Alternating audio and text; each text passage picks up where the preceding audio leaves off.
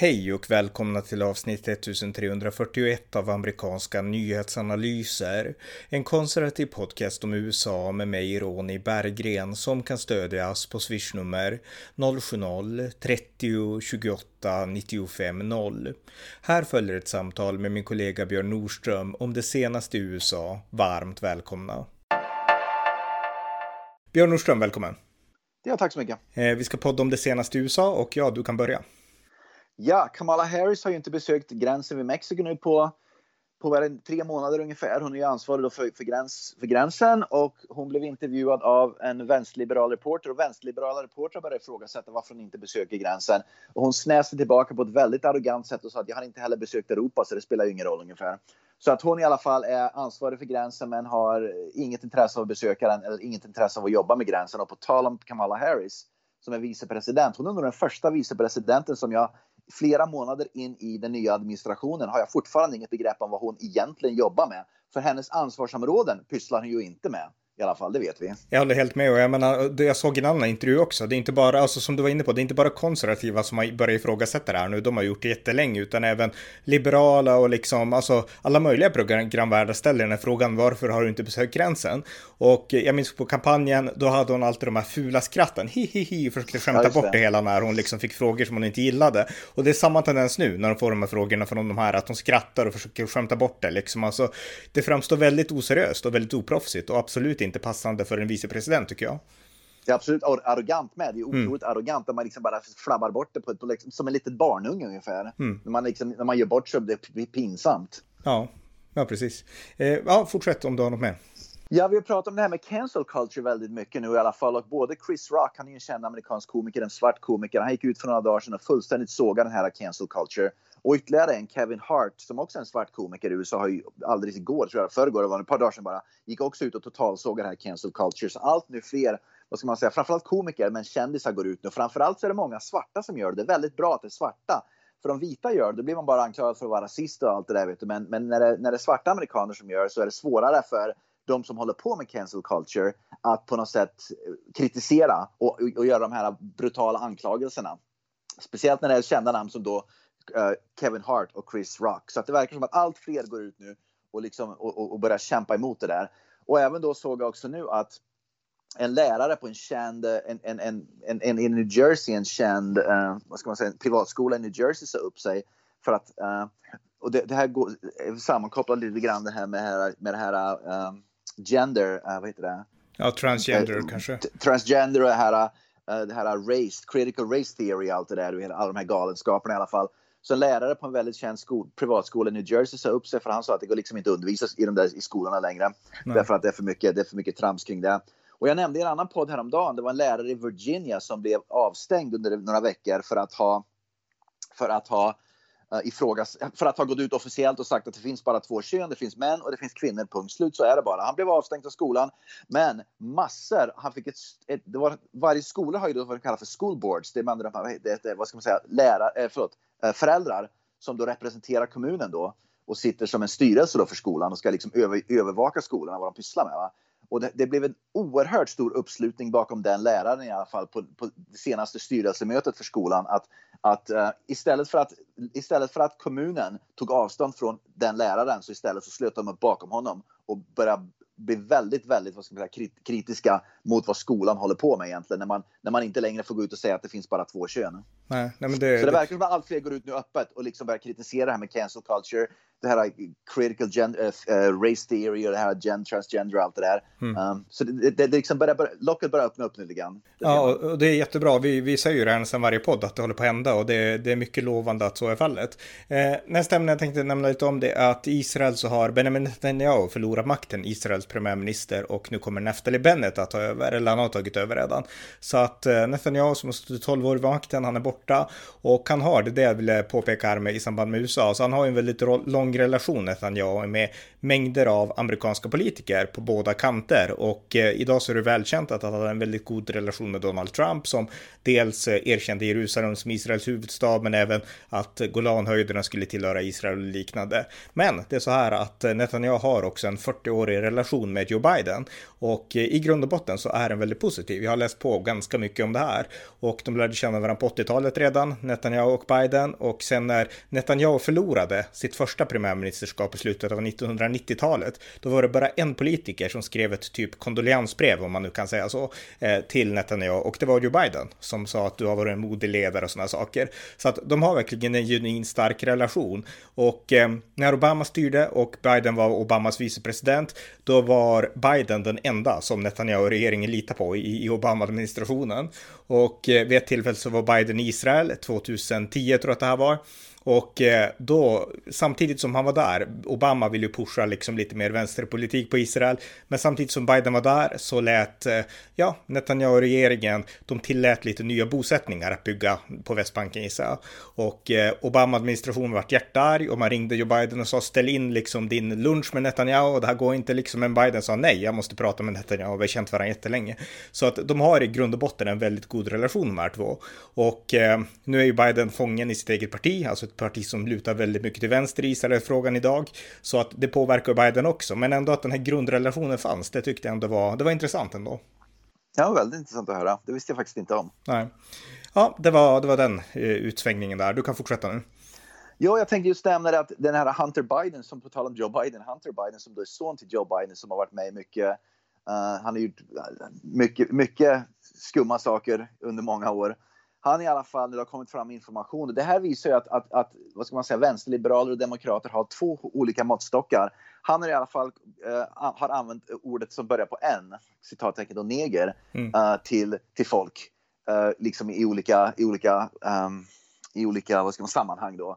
Men, och det har kommit fram nu då, men vänsterliberal media de rapporterar ju ingenting om det. Och min tanke var, tänk till exempel då om, om Donald Trump Jr, eller Eric Trump hade använt det ordet Eh, för, för under vad ska man säga, sociala förhållanden, liksom, när de bara snackar med människor. Det hade ju liksom varit huvudrubriker i var och varandra tidning. Va? Ja. Och det visar just att, att, att Hunter Biden kom undan med precis vad som helst därför att vänsterliberal media skyddar liksom en viss grupp av människor för att kunna göra vad de vill. Ja, men ett bra exempel på det här, det var att i presidentvalet 2012, då var ju Rick Perry i Texas dåvarande guvernör, han var ju en av kandidaterna.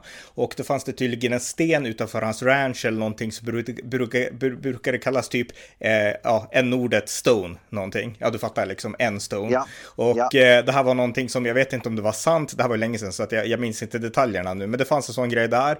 Och det hade ju ingenting med Rick Perry personligen att göra, jag tror inte han gick omkring och sa så liksom, utan det var bara någonting i närheten av hans ranch och sen gjorde liksom Sarah Silverman och alla de här komikerna en jättestor grej av det där liksom. Och, och han har, där Rick Perry, han är med i rasistpartiet och han har till och med sten som heter, ja, Enstone. Så att jag menar, där gjorde man liksom en höna av en fjäder. Medan i Hunter Bidens fall så är man tvärtom. Där så liksom, ja, ingenting, trots att han faktiskt har använt ordet.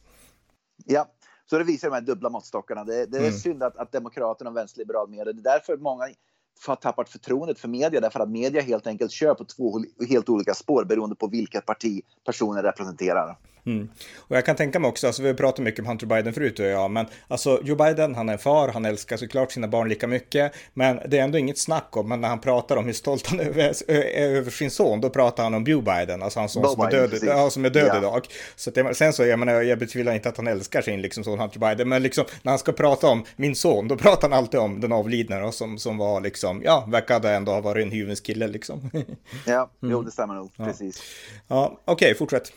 Ja, så vi pratade om Kamala Harris i alla fall. Hon besökte i alla fall, var det, uh, var det Guatemala tror jag det var nyligen, för bara några dagar sedan i alla fall. Och, i alla fall, och hon gjorde ingen större prestation där, eller bättre pres bra prestation det verkar som. Antar att hon uppmuntrade, uppmuntrade att de inte skulle komma till USA i alla fall. Men uh, det var tydligen blev en pinsamhet generellt sett att hon presterar väldigt, väldigt dåligt där. Så till och med många demokratiska politiker, höga demokrater, till och med folk i uh, Bidens administration gick ut och sa att eh, de var inte speciellt glada, stolta över vad, med andra ord, hon var inte en bra representant för USA utomlands, konstaterades det. Med andra ord, hon, hon, oavsett vad hon sa, det spelar egentligen ingen roll, utan hon var um, hon, hon liksom verkar inte, det framgick att hon visste inte vad hon pysslade med helt enkelt. Hon var väldigt var inkompetent, mm. är ordet jag letar efter. Ja, exakt. Och jag läste också, på tal om hennes inkompetent, att väldigt många har sagt, eller jag läste en artikel, jag tror att det var i Politico, att många i hennes närhet, alltså nu man börjar inse att hon fyller inte sina skor i den här rollen som vicepresident. Och då har det kommit rapporter från demokrater i Kalifornien som jobbar med henne länge, att de enda ämnen hon brinner för, på riktigt alltså, som hon genuint engagerar sig i, det är frågor som hon tror kan gynna hennes nästa steg, alltså karriärsfrågor helt enkelt, det är det hon engagerar sig inte policyn för policyns skull. Och eh, ja, eh, är man vicepresident så, så håller inte det och det blir, alltid, man, det blir alltid genomskådat när man har så hög roll som hon har. Och det är precis det vi pratade om för flera månader sedan inför presidentvalet, att hon blev ju inte tillsatt för sin kompetens. Hon hade rätt kön och rätt hudfärg och typ rätt bakgrund och allt sånt där och kunde nå vissa väljare, va? så att hon blev inte tillsatt för sin kompetens. Och det, det ser vi resultatet. Jag tror till och med nämnde det vid något tillfälle att, att att när man, när man valkampanjar, då, liksom, då, då, då, har, då, har de liksom rätt, då har de rätt egenskaper. Men när det gäller sen att, att, att styra, då har de helt fel egenskaper. Och jag tror det bevisades ganska rätt där, än så länge. Mm. Eh, om vi hoppar tillbaka till Biden så är det så här att Joe Biden, han har nu varit i Europa på besök och han har varit på G7-mötet i Storbritannien och eh, han har egentligen lett eh, den gemensamma kampen, om man kan säga så, mot Kina. Så att nu har G7 kommit ut med ett, ja, ett ganska kraftfullt statement mot Kina. Och eh, det är väldigt lovande och Joe Biden var en av ledarna där och eh, han fick med sig Europa på, på det här tåget. Så att eh, det var ett lyckat besök i många avseenden. Sen har vissa gnällt på detaljer, att han sa fel, att han gjorde några tabbar och sådär. Men överlag, alltså det som frukten av det här besöket, det, det var ändå bra. En, en starkare enad västerländsk linje mot Kina. Och det är faktiskt någonting som jag hade fel, fel på. Jag var osäker på att han skulle verkligen liksom gå mot Kina. Men uh, han har bevisat sig göra det nu i alla fall. Så det var en väldigt positiv överraskning med Biden för min del i alla fall. Ja, eh, ja eh, du kan fortsätta. Ja, vi pratade lite grann med Israel och Ilan Omar, vår vän från Minnesota som är kongressledamot. Och hon gick ut alldeles nyligen och sa att USA, hon jämförde USA med terrorgrupper. Och uh, Israel med. Med, med andra ord, hon, hon kritiserar att USA är lika, lika vidriga som talibanerna i, i Afghanistan ungefär. Mm, och Israel lika uh, vidriga som Hamas. Precis, precis, precis. Och hon i alla fall fick då, och det här är ju ett problem för Demokraterna naturligtvis, därför att hon fick stor kritik bland många demokrater väldigt fort och Nancy Pelosi gick ut och kritiserade, men sen tonade Nancy Pelosi ner det hela. Så Nancy Pelosi då som är Speaker of the House, hon, har ju liksom hon, hon, hon, hon, måste försöka balansera här. Å ena sidan så måste hon försöka sätta stopp för såna här galna uttalanden, men å andra sidan så kan hon inte heller göra det för hårt därför att hon vill inte hon kan inte bli för ovän med, vän, med vänsterfalangen helt enkelt. Va? Men att det här är ett stort, det är ett stort huvudvärk det här för, mm. för Nancy Pelosi när, när, när det håller på så där. Därför att det gynnar ju inte Demokraterna när egna representanter går ut och jämför USA med terrororganisationer. Va? Nej, men, men det är intressant. Jag brukar säga också i olika sammanhang att det här gamla gardet demokrater, alltså de här äh, som är fanatiska trumpister, de tycker att demokraterna kan aldrig göra något bra, allt demokraterna gör är fel och jag delar inte den åsikten utan Nancy Pelosi, Joe Biden och många av, av det här äldre gardet demokrater, även Chuck Schumer då såklart, de är alltså genuina pro-israeler pro, liksom pro i grund och botten. Sen tror de på tvåstatslösning på ett annat sätt än kanske högersidan gör, men, men liksom det är inget snack om att om Hamas attackerar Israel så står de på Israels sida. Den förändring som har skett här, det är ju egentligen, ja, Ilan Omar och de här unga liksom islamisterna och socialisterna i kongressen. Och eh, det är bra ändå att de gör det de kan för att, för att stå emot dem. Så att, eh... ja, problemet som det här skapar, det är ju framtiden i partiet. Va? Jag menar mm. Nancy Pelosi, hon är väl 80 drygt år och, och många av de här gamla stofilerna är också liksom, det är deras sista två, tre, fyra år nu kanske i, i, i politiken här nu. Och de kommer ju sen att bytas ut mot yngre förmågor. Det är frågan om vilka kommer de bytas ut mot? Jag menar, Ilan Omar, om hon blir då en, en ledare för partiet, då vet vi precis hur Israels politik kommer att gå. Mm.